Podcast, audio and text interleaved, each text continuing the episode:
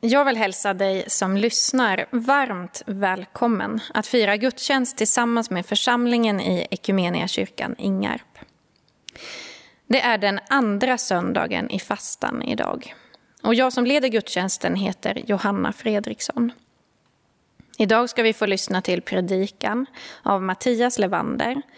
Vi ska få lyssna till sång med Astrid Blomdahl och Klara Rydén och vi kommer även få lyssna till fiolspel i de här sångerna av Amanda Rydén. Vi får som vanligt lyssna till vår underbara psalmkör och vi ska få lyssna till ett inledningsord. Jag vill också så här i inledningen av gudstjänsten säga ett stort tack till alla tekniker som hjälper oss att genomföra de här gudstjänsterna. Ni är alla verkligen guld värda.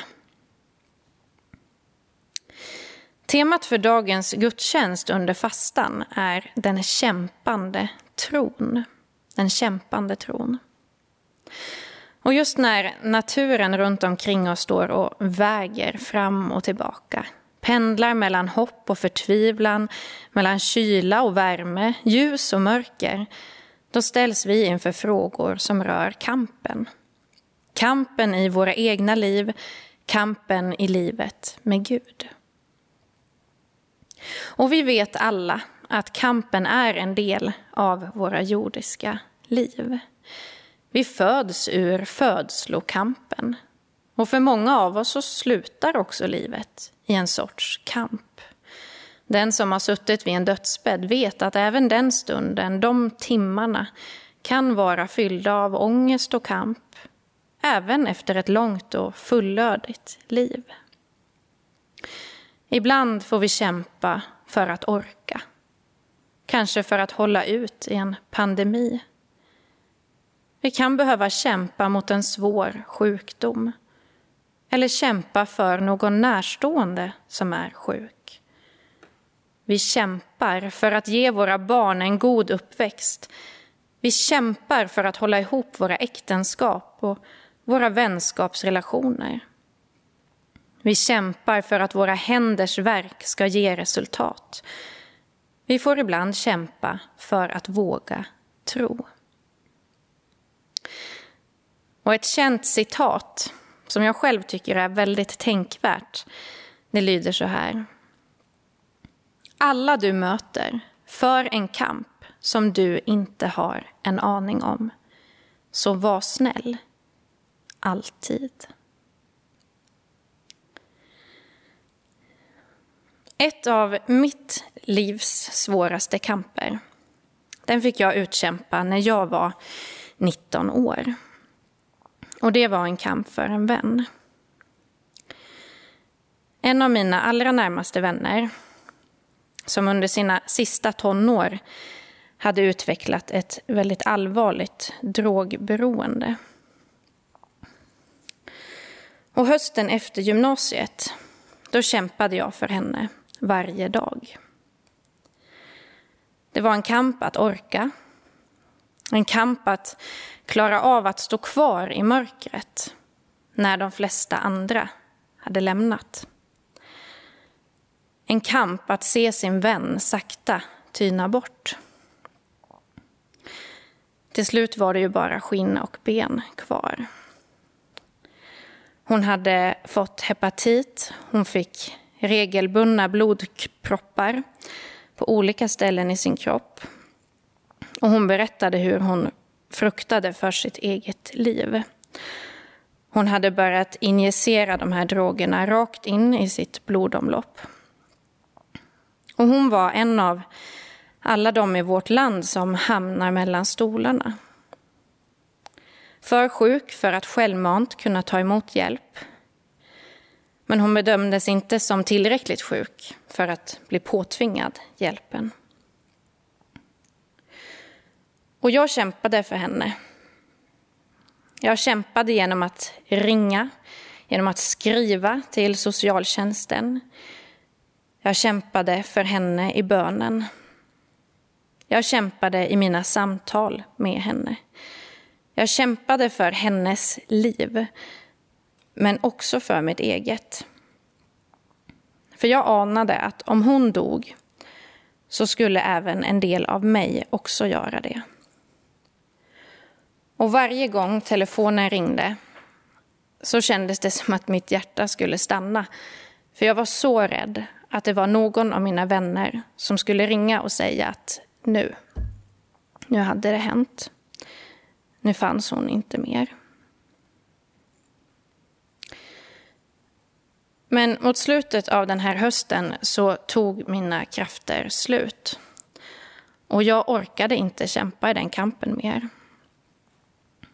Och jag skrev då ett brev till min vän, jag skrev ett handskrivet brev. Och i det här brevet så kan man säga att jag överlämnade henne i Guds hand.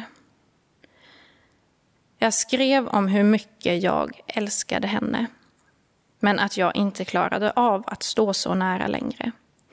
Jag hade då en liten son att tänka på. Jag behövde vara stark för en annan. Men jag skrev också att det fanns en som jag trodde på. En som alltid stod kvar vid hennes sida. Jag skrev att det fanns en som ville mer för hennes liv. Någon som aldrig skulle sluta kämpa för henne. Och jag tror att där i den stunden när jag på ett sätt gav upp, där tog Gud vid. Och min vän, hon är idag drogfri sedan mer än tio år tillbaka. Hon klarade det. Och hon har senare berättat att det här brevet som jag skrev, det spelade faktiskt roll. Och visst är det märkligt? Att det är det som för mig var ett, att jag gav upp, det som var ett nederlag, en, en överlåtelse. Genom det så nådde Gud fram. Och det är klart att det här brevet som jag skrev, det förändrar inte allt, verkligen inte. Men det blev en pusselbit i en vändpunkt. Det blev någon typ av ljusstråle som faktiskt nådde in i det kompakta mörkret. Någonting att hålla sig i. Och för mig så är det ett väldigt starkt vittnesbörd om en Gud som kämpar med oss och som tar vid när vi själva inte orkar mer.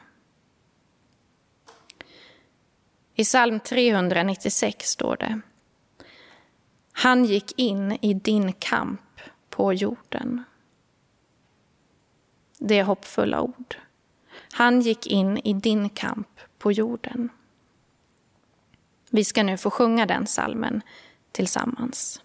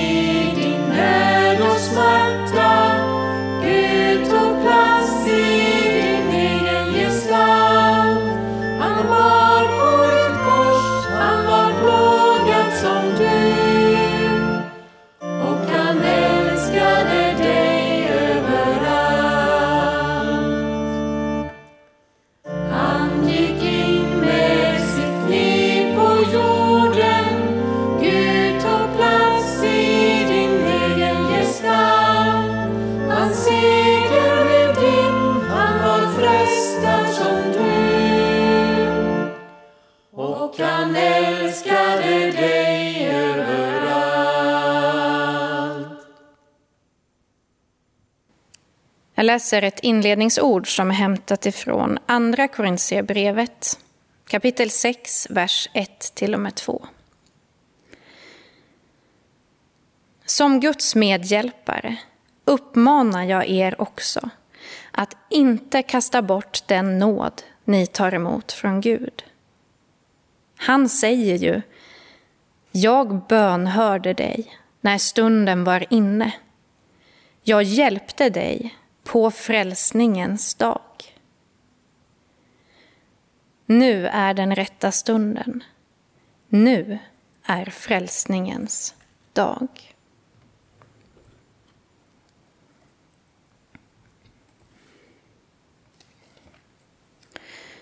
Vi ber.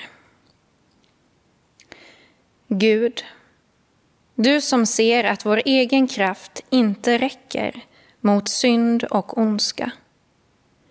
Hjälp oss att leva fasta i tron på vår frälsare Jesus Kristus och bli bevarade från allt ont till kropp, själ och ande. Genom din son Jesus Kristus, vår Herre. Amen.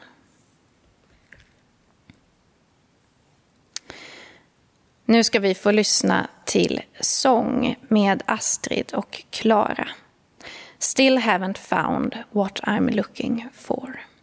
Och efter det så blir det predikan med Mattias.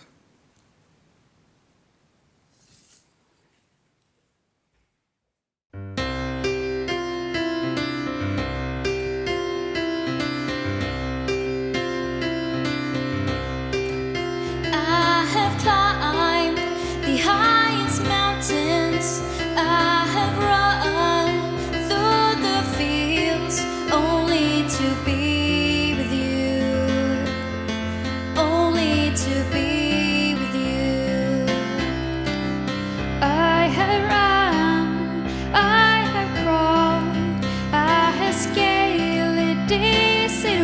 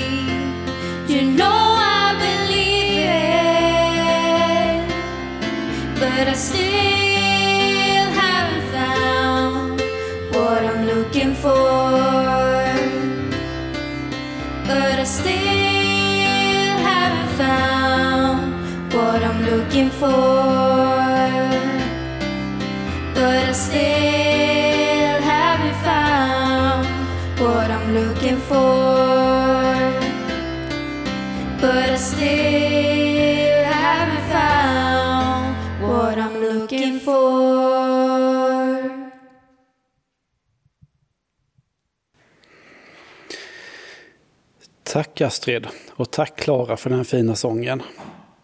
I still haven't found what I'm looking for. Jag har fortfarande inte hittat vad jag söker efter.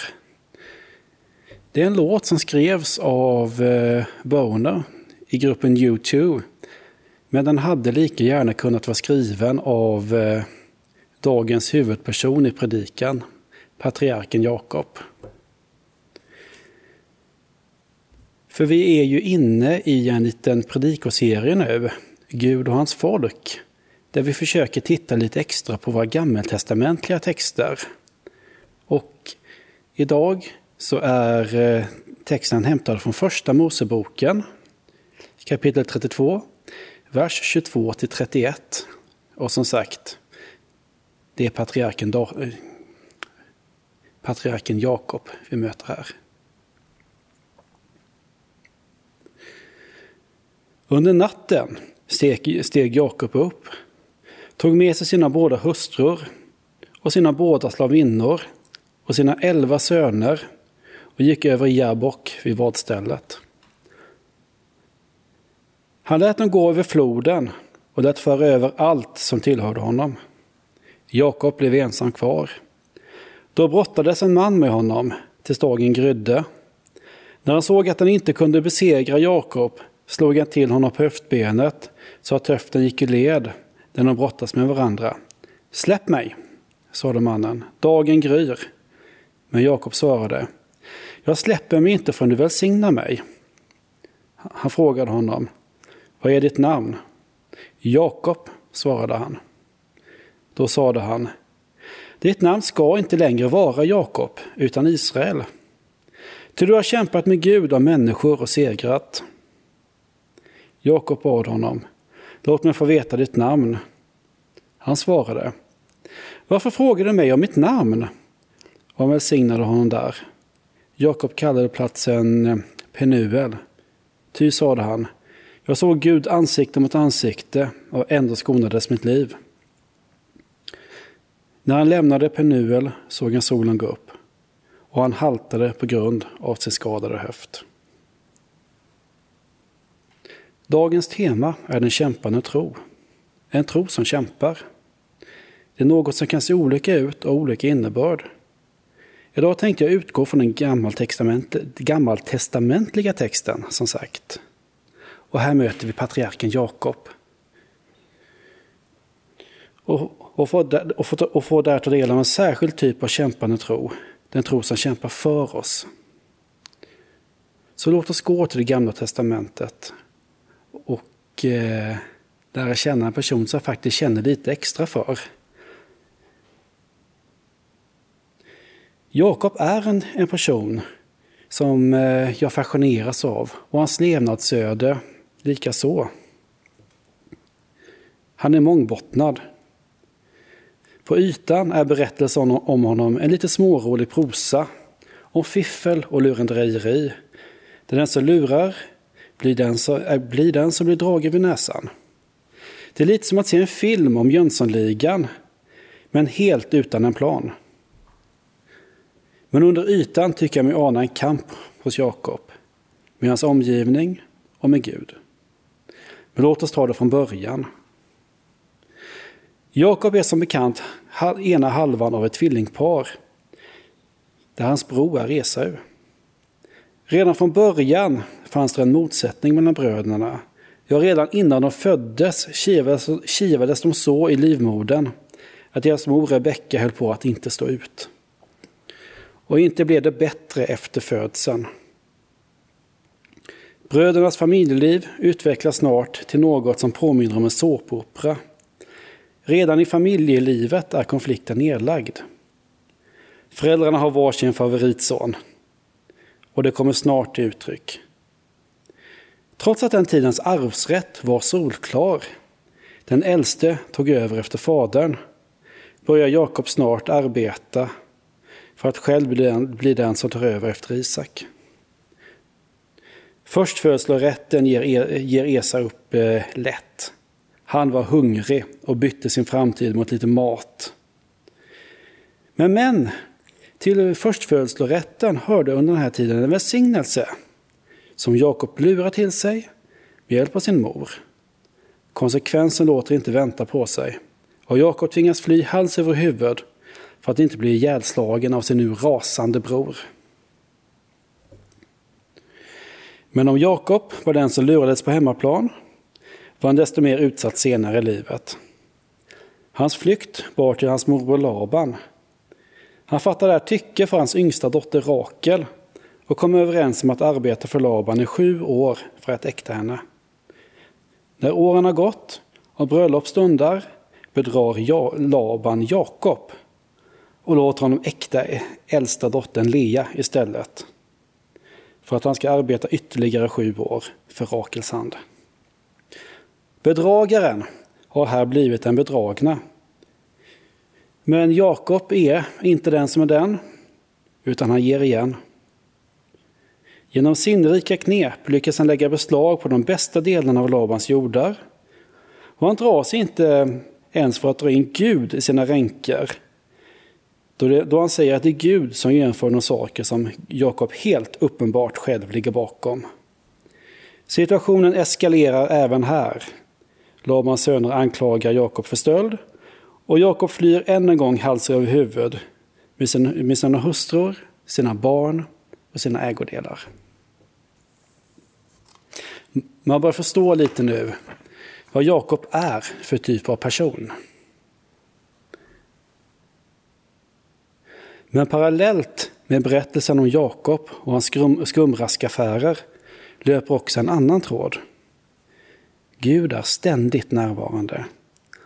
Redan under Rebeckas havandeskap avslöjar Gud att Jakob är förutbestämd att bli den som för Abrahams släkt vidare.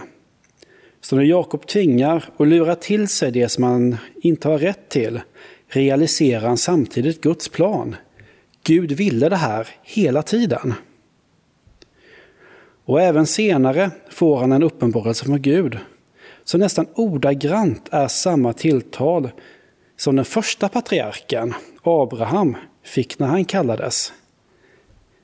Ni känner säkert till eh, sammanhanget. Gud kallar Abraham, en person, för att eh, därigenom bilda hans folk.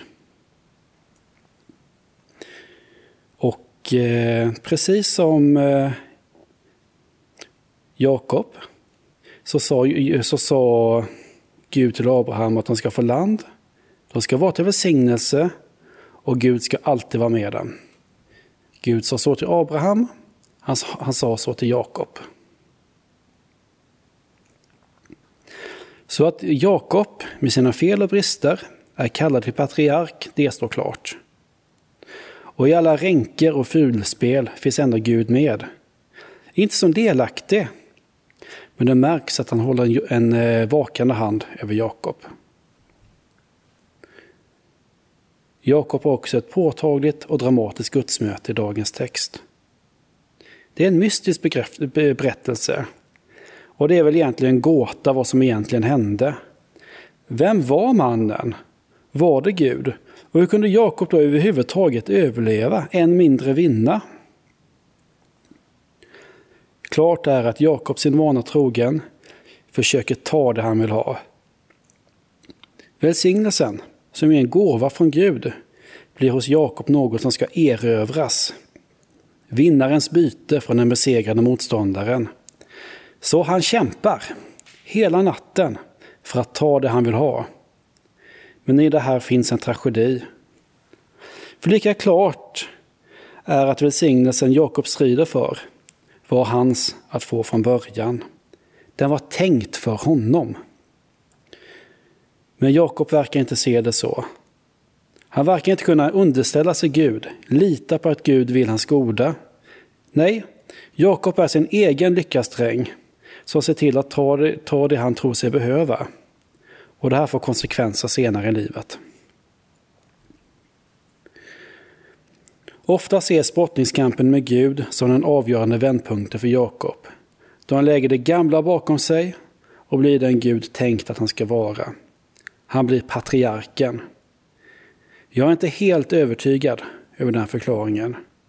Jo, det är en vändpunkt från Guds sida, där välsignelsen ges och det står klart vad Jakob ska träda in i. Men det finns en omständighet i berättelsen För vad ligger välsignelsen i? Jo, Gud byter namn på Jakob. Och det här är en central nyckel till att förstå den här texten. För i Bibeln är namn kopplade till personen och säger något om den som bär det. Israel till exempel betyder ungefär Gud strider.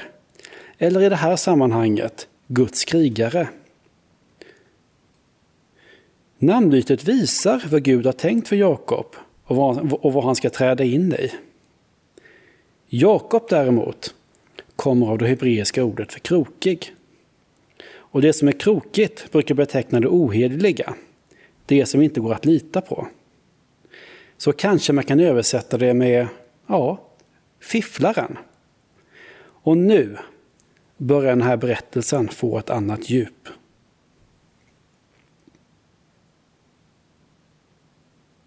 Testa att läsa texten, men byt ut Jakob mot fifflaren. När Isak hade välsignat fifflaren, fifflaren fick tolv söner. Och fifflaren kysste Rakel och han brast i gråt. Vad det visar var i välsignelsen låg. Du ska inte längre vara fifflaren utan Guds krigare. Och jag tror att det här är en inbjudan till oss alla. Vad definierar oss? Vilka namn har vi? Och framför allt, vem låter vi sätta de namnen? För i Jakobs namn ligger en förståelse för hur han ser på sig själv och tillvaron. För Jakob verkar tillvarons utgångspunkt vara att de, att de starka, de smarta, de som kan slå sig fram på olika sätt, är det som ska ärva världen. Fifflaren är någon som är klippt och skuren för den tillvaron. Men man kan också tänka sig andra namn. Karriäristen, den rika eller varför inte stjärnan?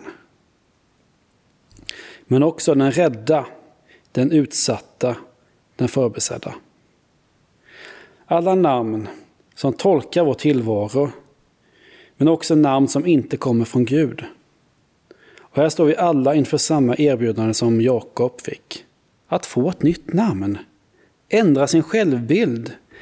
Se världen med Guds ögon. Bli Israel, Guds krigare.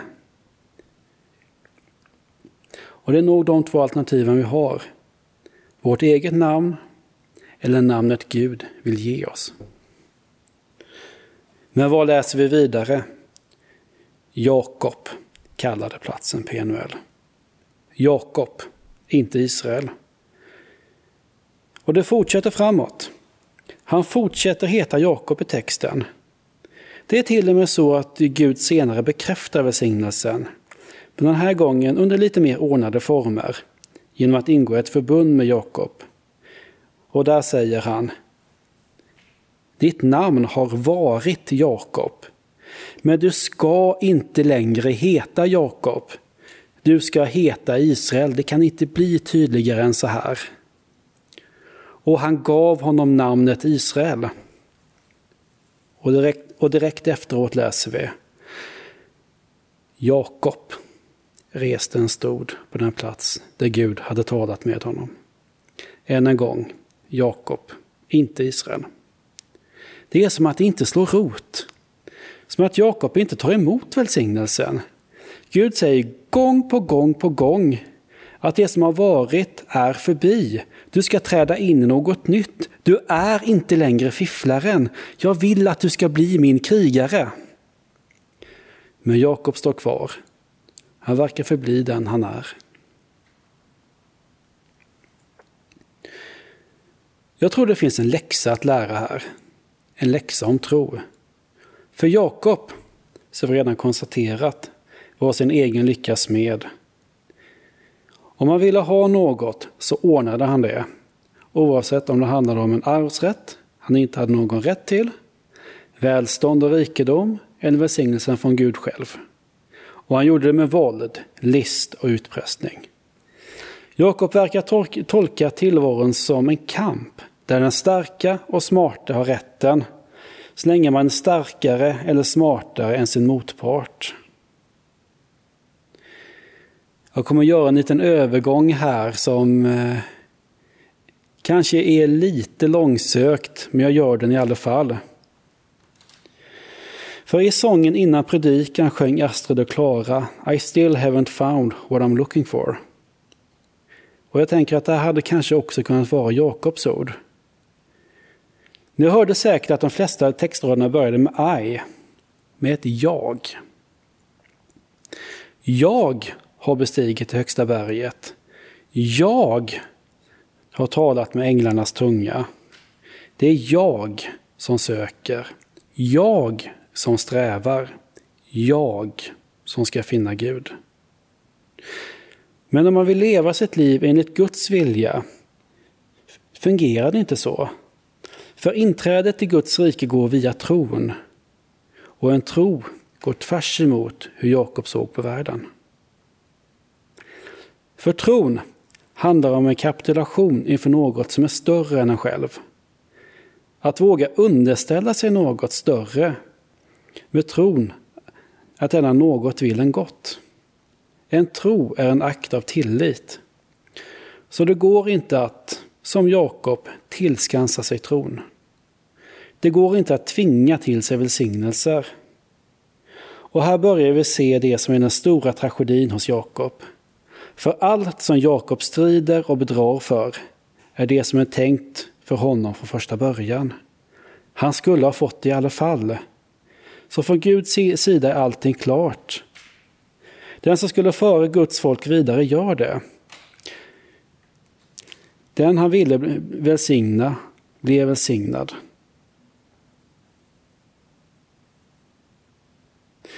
Men det verkar som att det inte räcker att bli välsignad. Man måste ta emot välsignelsen. Och att ta emot välsignelsen är att träda in något. En välsignelse är ingen resurs att förfoga över. Det är ett tillträde till Guds vilja.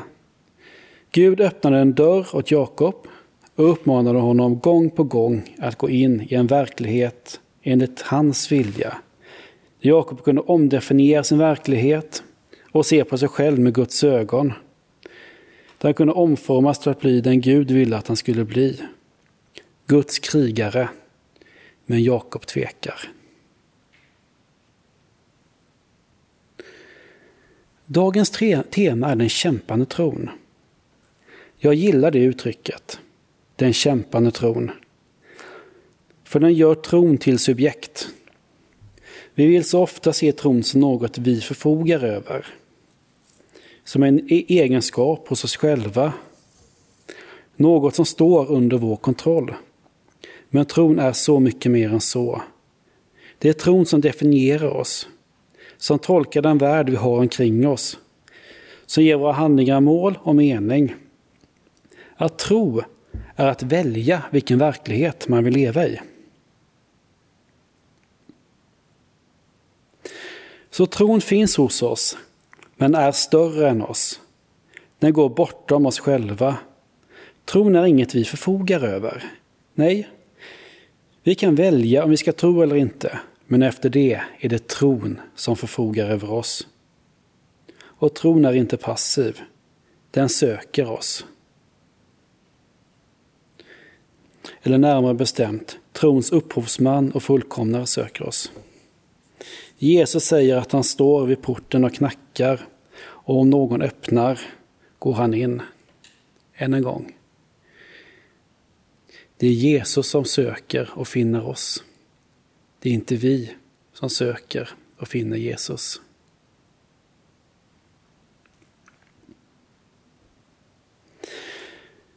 Så hur gick det då för Jakob?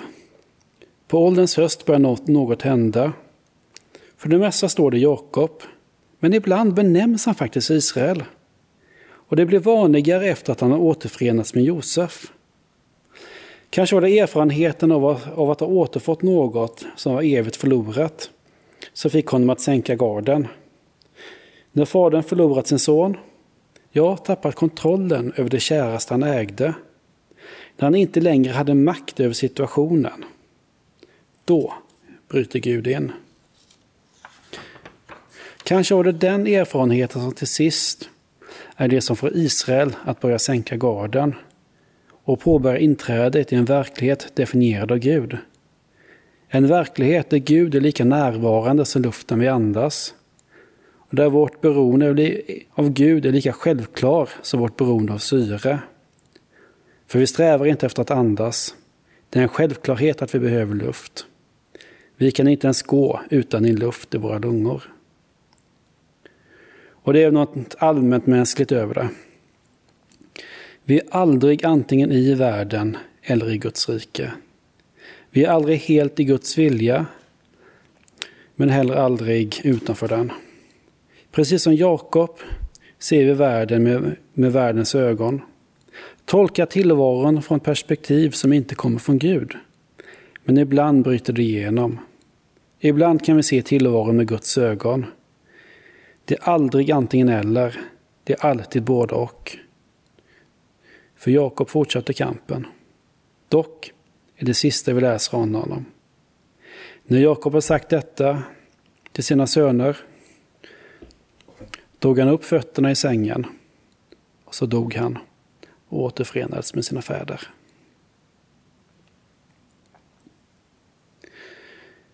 Himmelske Fader, tack för att en tro på dig inte är något litet som vi förfogar över. Tack för att tron på dig inte kommer an på oss. Tack för att du vill föra in oss i en ny verklighet.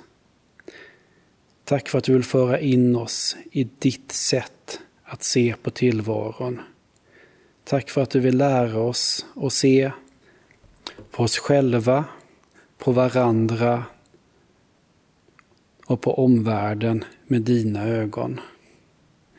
Tack för att du definierar oss. Tack för att du eh, ser på oss med ögon och med en kärlek som är så mycket större än vad den här världen vill erbjuda. Och nu vill jag be för var och en som lyssnar på det här. Jag ber att du ska föra in oss i ditt rike, i din värld och i ditt perspektiv på saker och ting. Hjälp oss göra upp med de namn vi har satt på oss själva. Och hjälp oss ta emot det namn du vill ge oss. Hjälp oss alla att bli Israel, Guds krigare. I Jesu Kristi namn. Amen.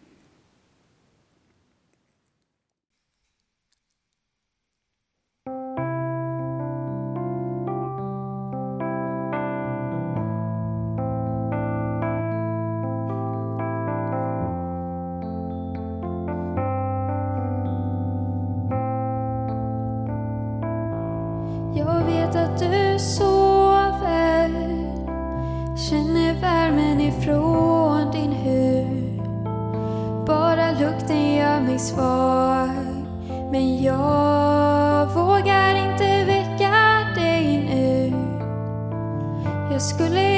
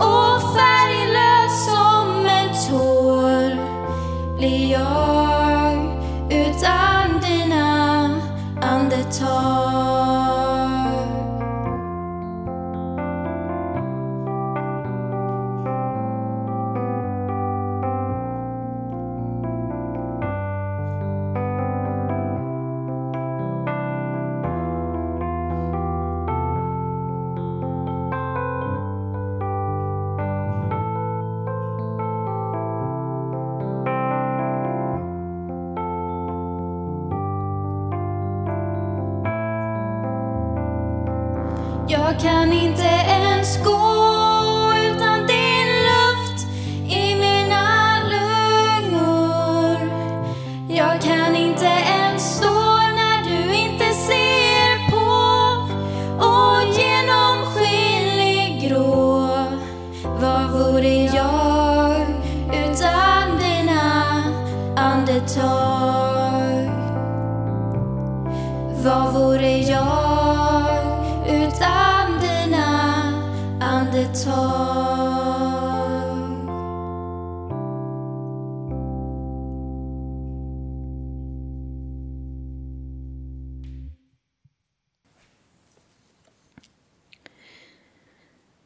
Vi ber.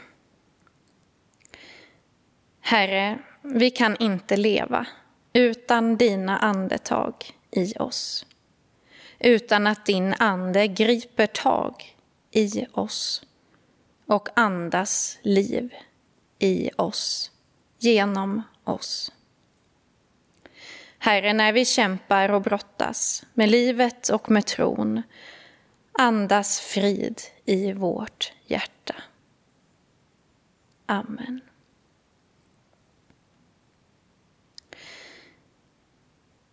När jag hör den här sången som vi precis fick lyssna till så kommer jag att minnas den gång när jag för första gången fick prova på att dyka med syrgastuber. Då gick man ner under vattnet tillsammans med en instruktör.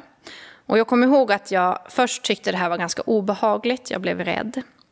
För man tror ju inte att det ska gå att andas i den här regulatorn som man har i munnen. Och jag började då andas väldigt forcerat, väldigt snabbt. Men då visade den här instruktören mig genom sina handrörelser att jag skulle försöka följa hans andning. Och under vattnet då ser man ju när någon andas, för då kommer det bubblor. Så jag gjorde det. Jag andades med honom, lugnt. Och jag blev genom det här sättet att andas också lugn. Och lite så tänker jag mig också Gud. Att när vi är rädda, när vi spänner oss, då vill han komma oss nära och andas med oss, andas i oss och genom det skänka oss frid.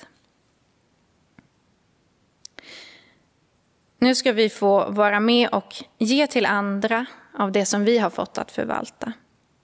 Under nästa psalm så ska vi ta upp vår kollekt till församlingens verksamhet. Och som vi kommer få höra vid årsmötet idag så ligger vi en del efter i budget. Så jag tänker att nu hjälps vi alla åt så att vi kommer tillbaka på rätt köl igen. Och om alla ger det vi kan, om vi ger från hjärtat, så är det här inga problem. Och du kan som vanligt betala in via bankgiro. Du kan ge din gåva i gåvomaten i kyrkan eller via Swish. Och om du vill swisha så kan du göra det på nummer 123 298 0282. Ett stort tack för din gåva. Nu ska vi alltså sjunga tillsammans igen. Vi ska sjunga en psalm ur den psalmbok som heter Psalmer i 2000-talet. Och det är nummer 826. Den här psalmen heter Gå med Gud. Och han som har skrivit den här psalmen heter Tommy Sevon och han arbetar i Fryshuset i Stockholm.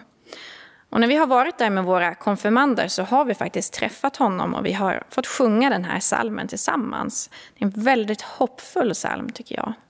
Gå med Gud.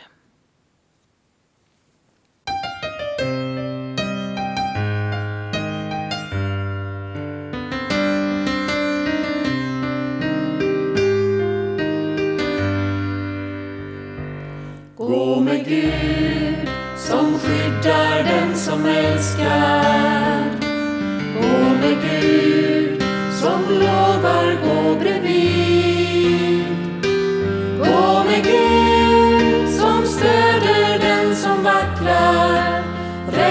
kräkta ryggar, stillar hunger i rätt tid. Gå med Gud som krigar mot det onda.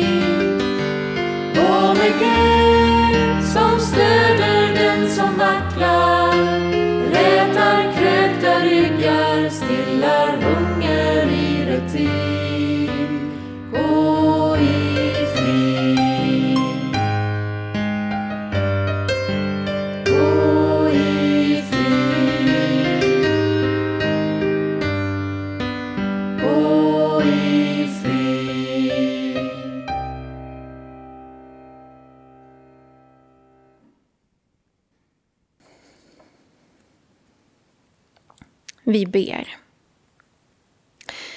Herre, vi tackar dig för gåvorna vi får samla in idag och under veckan som kommer. Tack för varje givare som ger av hjärtat, för ditt rikes skull. Hjälp oss att vara uthålliga i givandet, också nu när vi inte träffas som vanligt. Vi ber för vår församling och vi överlämnar oss i dina nådefulla händer. Amen.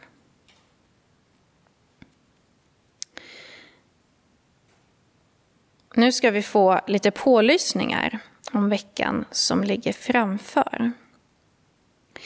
Idag klockan 11 så är det årshögtid och årsmöte i församlingen. Och det kommer att ske via Zoom. Och vi hoppas såklart att många tar sig tid att vara med på det här. Årsmötet är en viktig stund, en högtidlig stund i församlingens liv. Det är en stund när vi både blickar bakåt mot det som har varit, men framför allt tar ut riktningen framåt. Och I år blir det såklart annorlunda på många sätt, men försök ändå att vara med. Och länk till det här mötet och alla handlingar finns på församlingens hemsida.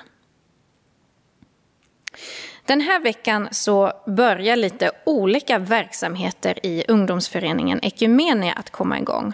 Och det är ju verkligen fantastiskt roligt och glädjande på alla sätt. Imorgon måndag så startar tonår igång igen efter ett långt uppehåll. Och det, tonår kommer till en början att samlas varannan måndag och vara utomhus. Så det är kläder efter väder som gäller.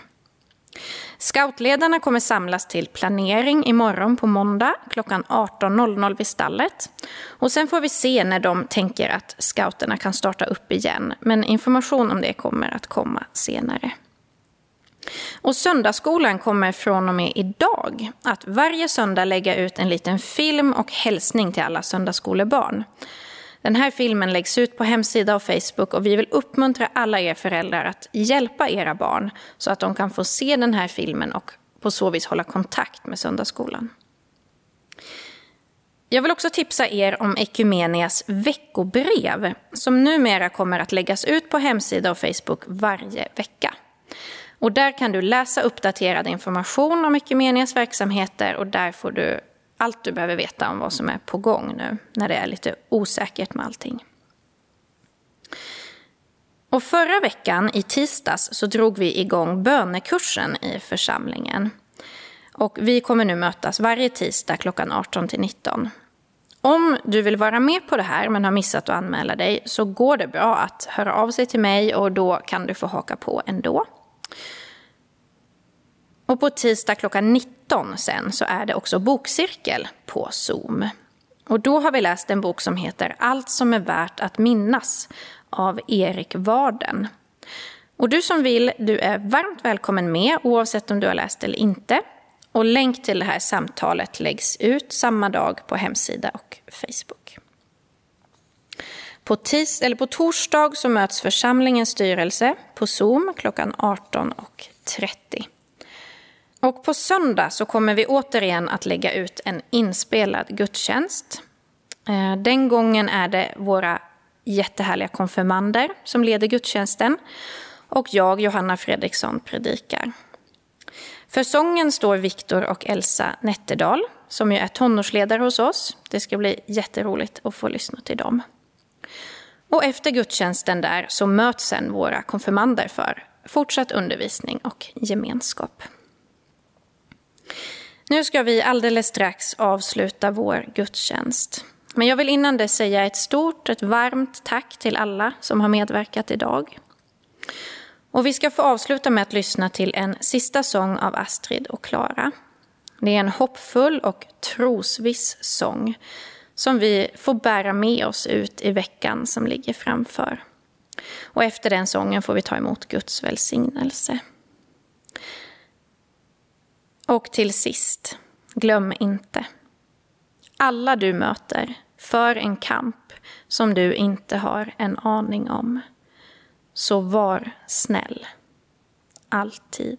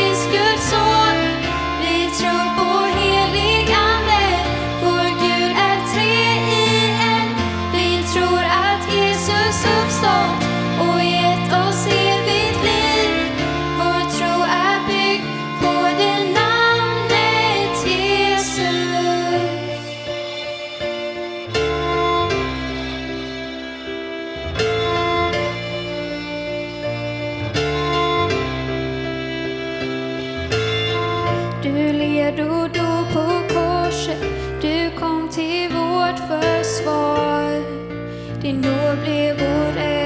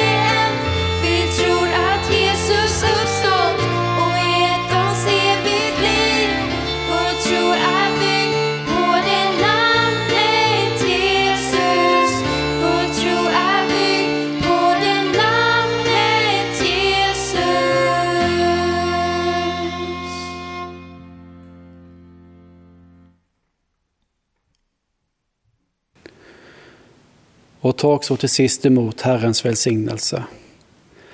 Herren välsigne er och bevara er. Herren låter sitt ansikte lysa över er och vara er nådiga. Herren vände sitt ansikte till er och give er frid. I Faderns och i Sonens och den helige Andens namn. Amen.